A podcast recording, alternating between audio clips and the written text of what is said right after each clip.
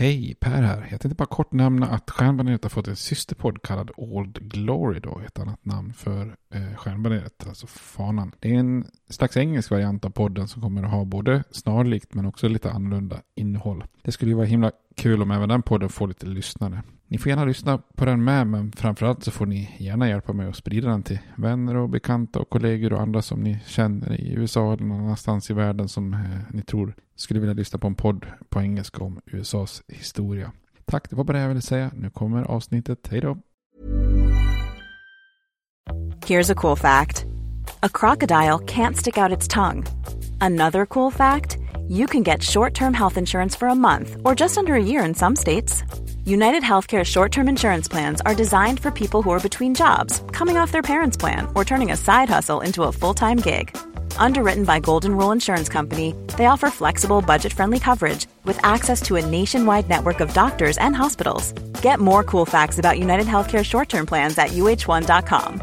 Mother's Day is around the corner. Find the perfect gift for the mom in your life with a stunning piece of jewelry from Blue Nile. From timeless pearls to dazzling gemstones, Blue Nile has something she'll adore. Need it fast? Most items can ship overnight. Plus, enjoy guaranteed free shipping and returns. Don't miss our special Mother's Day deals. Save big on the season's most beautiful trends. For a limited time, get up to 50% off by going to BlueNile.com. That's BlueNile.com.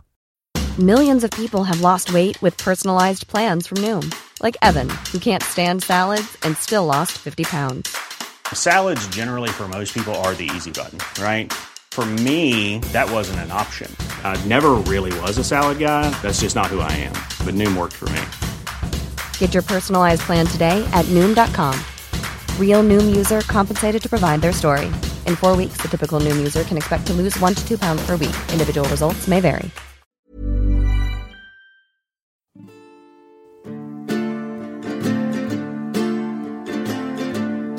We hold these truths to be self-evident, that all men are created equal, that they are endowed by their Creator with certain unalienable rights, that among these are life, liberty, and the pursuit of happiness.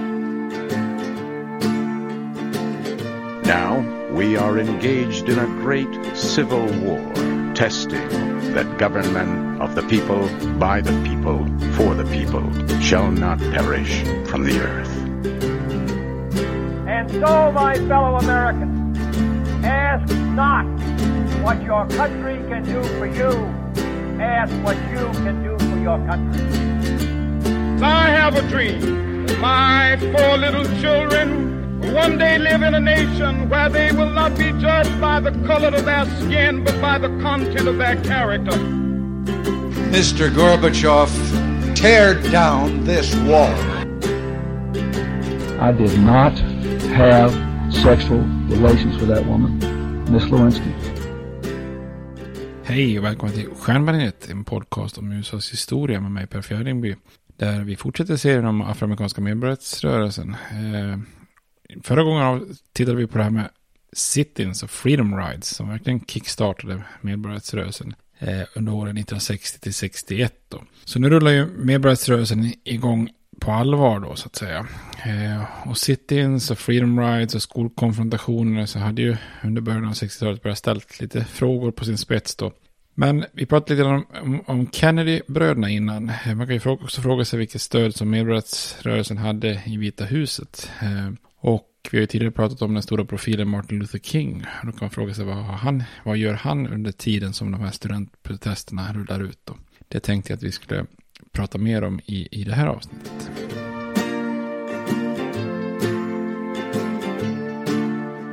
För väldigt många afroamerikaner som stött John F Kennedy i valet 1960 så var ju hans agerande i samband med Freedom Rides en, en stor besvikelse. De inser att presidenten och hans bror justitieministern kunde tänka sig att tolerera att hundratals aktivister fängslades i brutala fängelser i Mississippi så länge det bara inte skapade scener och känsliga tv-bilder som kunde ta fokus från Kennedy-administrationens övriga politik och internationella engagemang. Det var ju uppenbart i, bland annat i uppgörelsen som man gjorde med Mississippis guvernör om att det var okej okay att arrestera eh, för de här Freedom Riders bara det inte varit eh, våldsamheter. Bakom kulisserna så försökte också Kennedys att övertala snick Core och de övriga medborgarrättsorganisationerna att sluta med sådana här civil olyd, olydnad liksom, och direkta kampanjer eh, som, som ju var sånt som hade skapat liksom de här känsliga tv-bilderna och istället helt enkelt fokusera på att få afroamerikaner registrerade som väljare. Eh, bröderna Kennedy tror helt enkelt att det vita södern inte skulle motsätta sig väljarregistrering lika aggressivt och våldsamt som man gjorde med sit-ins och freedom rides då. Eh, det visar sig ju sen när vi kommer framåt här att eh, vita kan visst reagera lika illa på det så att säga. Eh, men det är ju en väldigt medveten strategi som, som irriterar många eh, afroamerikaner. Så. Men det är ju en väldigt medveten strategi som bröderna Kennedy har här då. Eh, och bröderna återupptog ju med det här och på, på, på visst vis den här lite naiva hållningen som många haft redan under rekonstruktionen. Att bara afroamerikaner kan rösta så skulle de kunna påverka och styra sitt eget öde utan att den federala staten behövde blanda sig i Sörens angelägenheter. Eh, och det visar sig ju vara felaktigt då och det visar sig också stundtals vara felaktigt i, här och framöver. Då egenintresset lyser också igenom den här strategin ganska skarpt. Och, eh, fler svarta väljare i södern skulle ju naturligtvis hjälpa Kennedy i kommande val eftersom många vita i södern upplevde administrationens balansgång som att man drev frågan om medborgerliga rättigheter framåt. Då behöver man helt enkelt mer svarta väljare för att kunna vinna i södern. Eh, och afroamerikanska ledare är, inte så, är såklart inte så dumma att de inte kan se igenom Kennedy-brödernas taktik. Men man går samtidigt också lite ja, motvilligt kan man väl säga. Men ändå, man låter sig övertalas eftersom man förstår att det underlättar att fokusera på ett område där man kan få ett tydligt stöd från Vita huset och justitiedepartementet. Då. Om Kennedy-bröderna ställer upp på det här så kanske de också kan göra stora framsteg i rösträttsregistrering. Då. SNCC, då den här studentorganisationen eh, under Robert Moses ledning började därför jobba med röstregistreringskampanjer i Mississippi då, från den här tiden. Då. Kommer tillbaka till dem senare då. Den här strategin skulle ju emellertid som vi kommer att gå till gå i baklås också för att erfarenheterna av det våld och motstånd som man möter i Mississippi då, skulle ju få de här aktivisterna inom snick att snarare gå i andra riktningen och börja överge icke-våldsprinciper och anamma en mer svart nationalistisk inriktning som, som inte förespråkar integrering och icke-våld så att säga. Men det kommer vi till i kommande avsnitt. John F. Kennedys administration skulle ju totalt sett ha ett väldigt blandat facit när det gäller medborgerliga rättigheter för afroamerikaner. Utifrån förväntningarna 1960 var ju många svarta väljare grymt besvikna på, på John F. Kennedy. När JFK tog över Vita huset så utsåg han ett 40-tal afroamerikaner till viktiga poster. Eh, en av de här är ju NAACP-veteranen Thurgood Marshall som belönades med en post som federal domare i en så kallad US Circuit Court, alltså en eh, lägre federal domstol på nivån under högsta domstolen. Och det här banar ju också vägen för att han sen Eh, också skulle kunna nomineras till högsta domstolen. En annan var ju journalisten Carl Rowan som utsågs till assisterande utrikesminister. Då. Men utöver de här utnämningarna så var ju Kennedys stöd för medborgerliga rättigheter rätt så ljummet och han var inte alls beredd att satsa på omfattande lagstiftning utan använde sig av exekutiva presidentordrar. Eh, I april 61 så utfärdade han en exekutiv order eh, som ökade möjligheten för svarta att få jobb inom den federala staten. Den 20 november samma år utfärdade han en exekutiv order som till slut uppfyllde hans vallöfte att göra slut på segregeringen i federala bostadsprojekt. Då. Under valkampanjen 1960 hade han ju lovat att göra det omedelbart, alltså with a stroke of a pen som han uttryckte det. Så många såg ju ändå det här som ett brutet löfte genom att det hade dröjt så länge innan han vidtog åtgärderna. Dessutom gäller den här presidentåren nya bostadsprojekt, inte tidigare genomförda, så många afroamerikaner var oerhört besvikna på det här. Presidentens lillebror justitieministern Robert Kennedy var mindre hindrad av politiska löften till, till vita politiker i södern och hade lite mer manöverutrymme. Och han jobbar en hel del bakom kulisserna för att skynda på desegregering av skolor och transportmedel. Eh, och Robert skulle ju med tiden bli den i Kennedy-klanen som främst förespråkade minoriteters rättigheter och eh, försökte, försökte då bli medborgarrättsrörelsens allierade. Men storbror John och hans presidentskap blev istället en ganska stor besvikelse för många afroamerikaner. Eh, Martin Luther King anklagade honom för att bara genomföra vissa symboliska åtgärder istället för att gripa tag i liksom pudens kärna och jobba för verkliga framsteg i medborgerliga rättigheter då helt enkelt.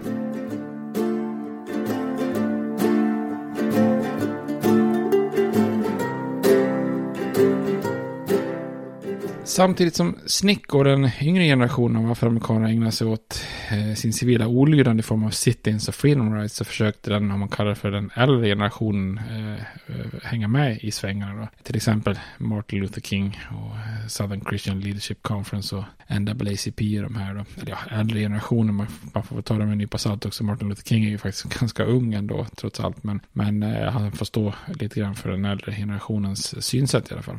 Martin Luther King var ju den här afroamerikanska ledaren som hade flest anhängare bland både vita och svarta amerikaner i medborgarrättsrörelsen och den som kanske lockade den bredaste koalitionen. Men hans enda egentliga stora framgång eh, dittills då hade ju varit just bussbojkotten i Montgomery 1956. Så han är ju här i början på 60-talet lite grann på jakt efter en ny framgång då. Och när en proteströrelse uppstår i staden Albany i Georgia sommaren 1961 så hade han därför en ganska god anledning kan man säga att ansluta sig och eh, ja, helt enkelt hoppas på ytterligare framgångar. I Albany hade medlemmar av SNCC eh, tagit sig sommaren 1961 för att starta en kampanj att registrera svarta väljare. Eh, men den här rörelsen växte och till slut så hade olika grupper och organisationer och ledare skapat en, en bred koalition kallad för, för The Albany Movement med William Anderson i spetsen som eh, utökade målsättningen och krävde en total desegregering av staden. Då. Kampanjen drog igång under hösten 1861 med en civil olydnad tänkt att då desegregera transportsystem och bibliotek och parker och andra segregerade faciliteter. Eh, och Snick ledde de här protesterna och lyckades skapa en stor lokal entusiasm. Eh, ett verktyg som man börjar använda på allvar här är ju sången också. Eh, aktivisterna upptäckte att det var populärt med så kallade freedoms songs. Eh, som är en slags liksom mer gospelaktiga sånger med, med, med raka budskap om medborgarrättsrörelsens mål och inställning då. Det finns en hel del kända låtar som till exempel Ain't gonna let nobody turn me around och Over my head I see freedom in the air. Eh, men den klart mest kända är ju såklart We shall overcome som nästan liksom, ja, låten blir nästan som ett slags ledmotiv för hela medborgarrättsrörelsen. Och som ju också sen Birgit Friggebo försökte damma av och få Carl Bildt och andra att stämma upp till kör i Rinkeby i slutet på 90-talet. Det är en fantastisk händelse. Nej, jag ska inte prata om Birgit Friggebo i den här podden.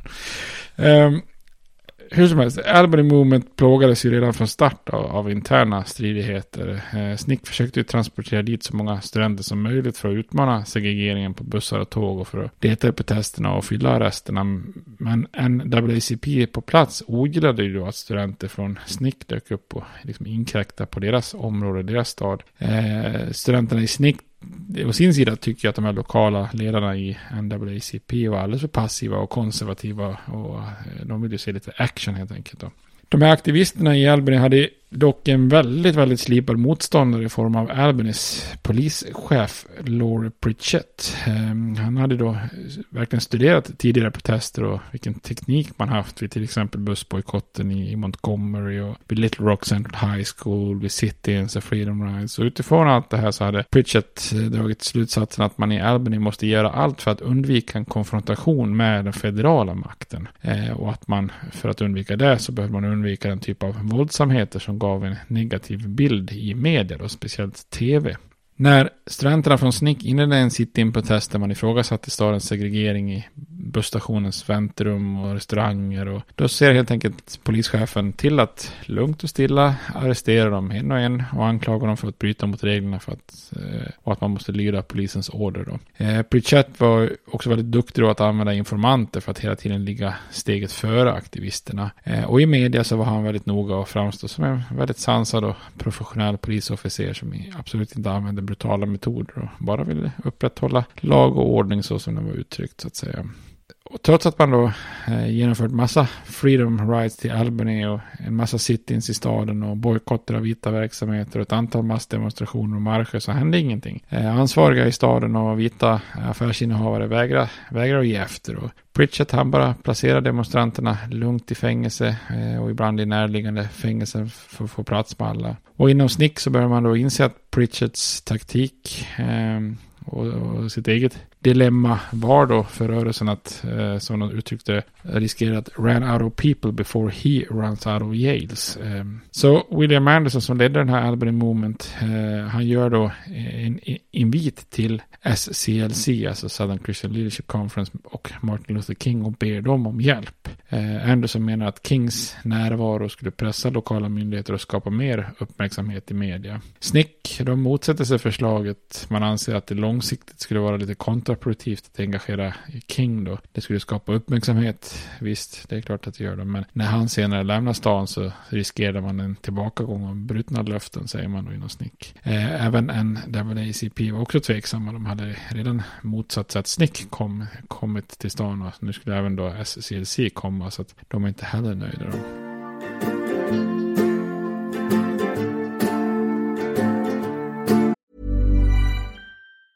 When you're ready to pop the question, the last thing you want to do is second guess the ring. At BlueNile.com you can design a one-of-a-kind ring with the ease and convenience of shopping online. Choose your diamond and setting. When you find the one, you'll get it delivered right to your door. Go to Bluenile.com and use promo code LISTEN to get $50 off your purchase of $500 or more. That's code LISTEN at Bluenile.com for $50 off your purchase. Bluenile.com code LISTEN. Hey, Dave. Yeah, Randy. Since we founded Bombus, we've always said our socks, underwear, and t shirts are super soft. Any new ideas? Maybe sublimely soft. Or disgustingly cozy. Wait, what? I got it. Bombus absurdly comfortable essentials for yourself and for those facing homelessness. Because one purchased equals one donated. Wow, did we just write an ad? Yes. Bombas. Big comfort for everyone. Go to bombas.com slash ACAST and use code ACAST for 20% off your first purchase.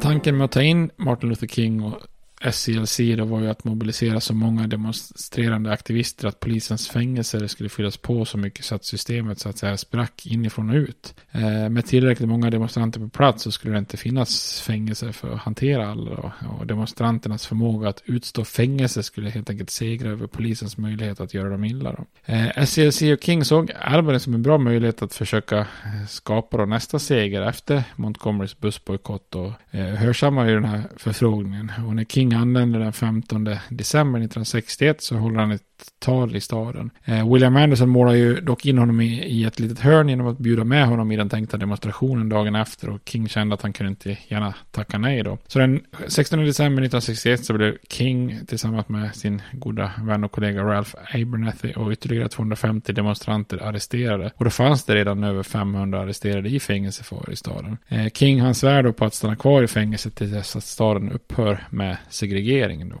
Men polischefen eh, Bridget han fann sig emellertid i situationen. Dels ordnade han fram runt 2000 fängelseplatser till genom att samordna med andra orter i Georgia och eh, se över då sina lokaler. Han utbildar också sina poliser att de, vad de än gör så får de inte använda våld mot icke-våldsdemonstranter. Två dagar efter att King arresterat så gick staden Albany med på att förhandla med rörelsen. Eh, och de såg liksom en möjlighet att använda den splittringen som fanns bland de lokala afroamerikanska organisationerna. Så de erbjöd sig att släppa alla fängslade demonstranter utan borgen i utbyte mot att King lämnar staden. Och så ger de också lite vaga löften om att förbättra svartas situation i staden. Men då går, eller King och de går med på det här då, men bara några dagar efter att Martin Luther King återvänt till Atlanta eh, så var ju, eh, och var borta från så att säga spelplanen så visade det sig att staden aldrig menat allvar med sina löften. Så att därmed är, är man ju tillbaks på ruta noll kan man säga då.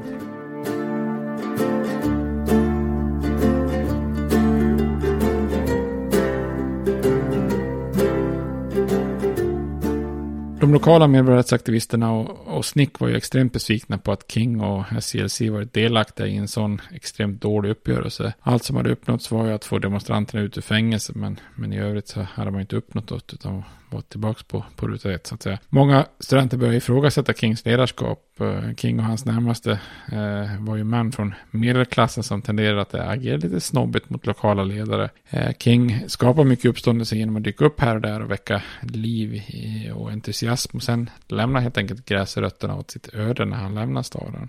De interna stridigheterna gick så långt att Ella Baker och Snick kallade till en presskonferens för att till och med dementera eh, då att Eh, att Kings eh, organisation ledde Albury Movement. Eh, det här i sin tur skapade missnöje med hos King och de som tyckte att övriga var otacksamma för att man kommit till staden och ställt upp då. De menar att Snick tagit sig vatten över huvudet och gärna ville ha de pengar och uppmärksamhet som King kunde bidra med men i övrigt tog inte ta del av deras erfarenhet och expertis då. Martin Luther King tog personligen illa vid eh, av den här kritiken han fick och kände ju kanske innerst inne att insatsen i Alben inte hade gått som förväntat sig. Så i juni 1962 så återvände King och Abernathy för att tjäna sina straff som de dömts till när de arresterades ett halvår tidigare. Då tänkte de försöka blåsa liv i protesterna igen då. Så de väljer frivilligt att gå i fängelse 45 dagar istället för att erkänna sig skyldiga och betala böter. Precis som snickstudenterna hela tiden hade gjort egentligen då, att man, man inte betalade några, eller helt enkelt satt, satte sig i fängelse. Då. Eh, King fruktar egentligen eh, att göra tid i ett fängelse i södern såklart. Det är kanske ingen jätterolig grej, det kan man väl förstå. Men han ville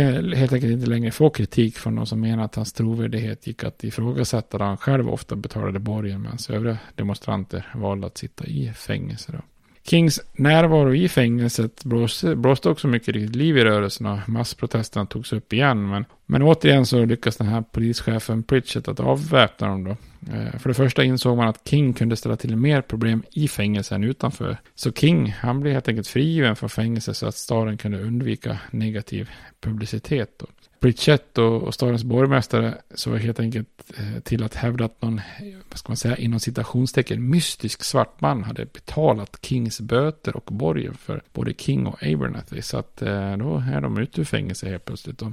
King vägrar ge sig och återvänder till eh, Albany där han ordnade demonstrationer bara någon vecka senare. Och återigen så arresteras han men trots två veckor i fängelse så lyckas han inte blåsa liv i rörelsen utan den lokala entusiasmen hade börjat ebba ut. Samtidigt hade stadens advokater sett till att via rättsväsendet säkra ett federalt domstolsföreläggande som hindrade King och de andra ledarna att demonstrera i stan. Och eftersom King och rörelsen visste att eh, om saker och ting ställs på sin spets Eh, så bygger det helt enkelt på att man får då federal hjälp. Eh, och därför vågar ju inte Martin Luther King bryta mot ett federalt domstolsföreläggande.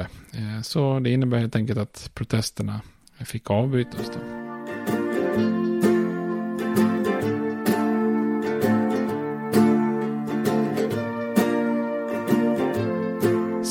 Albany blev ju en misslyckad kampanj för medborgarrättsrörelsen. Eh, det här nederlaget var den mest, eh, eller den enskilt mest misslyckade direktaktionskampanjen som genomfördes under de här åren. Då.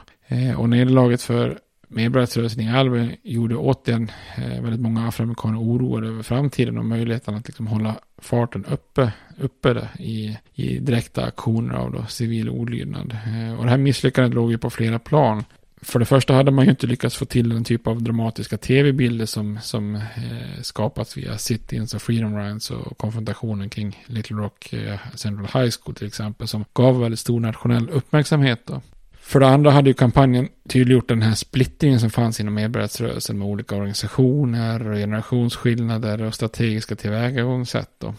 För det tredje hade ju kampanjen inte heller lett till den här typen av federalt ingripande som nästan måste till för att få Södern att kapitulera och, och, och, släppa sin rasism. Då. Kennedy hade ju vägrat att ingripa trots att stan bröt mot rättigheter som att kunna samlas och demonstrera och trots att stan bröt mot lagen eftersom de fortfarande segregerade bussterminaler, bibliotek och andra offentliga faciliteter. Men presidenten hoppades att det inte stöta sig då med vita politiker i, i Georgia eh, vars stöd han behövde i, i andra frågor då. Och så länge inte det gav eh, negativ, negativa tv-bilder så, så var Kennedy villig att bara låta sakerna utspela sig då. I Albany hade ju också den här polischefen Pritchett visat sig vara, ha en väldigt smart och effektiv och väl avvägd strategi för att just avväpna protesterna och medborgarrättsrörelsen förstod att om fler polischefer och orter använder samma strategi, ja då kan det ju nog bli lite tufft och, och faktiskt nå framgång här i sin kamp då. För just Martin Luther King personligen så var det här ett stort nederlag och ett väldigt hårt slag mot hans prestige och ställning som, som ledare inom rörelsen. Men samtidigt så var också det här nederlaget en väldigt viktig erfarenhet som, som både King och andra drog jätteviktiga lärdomar av. Då. Och de här lärdomarna och taktikskiftena som man gjorde senare skulle ju bli väldigt framgångsrika när man gjorde, genomförde kampanjer både i Birmingham och Selma i Alabama under kommande år. Då. Efter nederlaget i Albany höll King ett möte i januari 1963 med sina närmaste medarbetare och rådgivare inom eh, Southern Christian Leadership Conference där man utvärderade förlusten och reflekterade över för att just dra lärdomar. Eh, en, en, lärdom var att man i Albany försökte ta tag i alldeles för många varianter av segregering och diskriminering istället för att liksom fokusera på någon enskild fråga. Så i framtiden menar King att man skulle koncentrera sig på någon specifik form av segregering så att man kunde vinna en seger där och så bygga upp framgångar och självförtroende bland aktivister liksom innan man tog sig an nästa område. Då. En annan lärdom var att man försökt satt press på de lokala politikerna som man hade väldigt, väldigt lite inflytande hos. Eh, istället skulle man framöver lägga större fokus på att försöka sätta press på de lokala affärsmännen och deras verksamheter för att pressa dem ekonomiskt. Det hade man liksom inflytande att kunna göra. Eh, och då skulle ju de här affärsmännen som eh, pressats ekonomiskt vara mer villiga att gå med på afroamerikaners krav och desegregera, desegregera för att inte tappa ekonomiskt genom att i sin tur sätta press på politikerna som, som de här näringslivsmännen redan hade inflytande över. Så att istället för att gå direkt på politikerna så gick man via män och så som, som i sin tur hade inflytande över, över politikerna. En annan lärdom var ju det här med att olika organisationer på plats i Alme hade haft svårt att komma överens. Så i nästa kampanj skulle man inom Southern Christian Leadership Conference eh, välja en ort där till exempel inte NAACP eller SNCC var etablerade eller speciellt aktiva. Eh, så att man skulle kunna styra över nästa kampanj helt själva då, mer eller mindre. Dessutom så insåg man att det mest avgörande eh, skulle vara att hitta en ort där motståndaren inte agerade så tålmodigt och fredligt som den här polischefen Pritchett. Man behövde helt enkelt välja en ort där polis och myndigheter eh, där man trodde att de skulle agera mer aggressivt och brutalt så att det liksom skapar sådana här mediabilder som, som väcker så mycket sympatier då, så att man helt enkelt skulle tvinga Kennedy-administrationen att eh, agera då. Så SCLC och King visste att när de planerar nästa massdemonstration för året 1963 så var det viktigare än någonsin att sätta in stöten eh, på rätt plats då. Och valet som, som kom till slut var att eh, göra det här, detta i Birmingham i Alabama.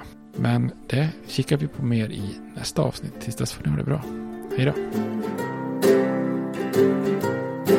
States like these and their terrorist allies constitute an axis of evil. And if the hippies and the yippies and the disruptors of the systems that Washington and Lincoln as presidents brought forth in this country will shut up and work within our free system of government, I will lower my voice. If the impeachment provision in the Constitution of the United States will not reach the offenses charged here, then perhaps that 18th century Constitution should be abandoned to a 20th century paper shredder. Therefore, I shall resign the presidency effective at noon tomorrow.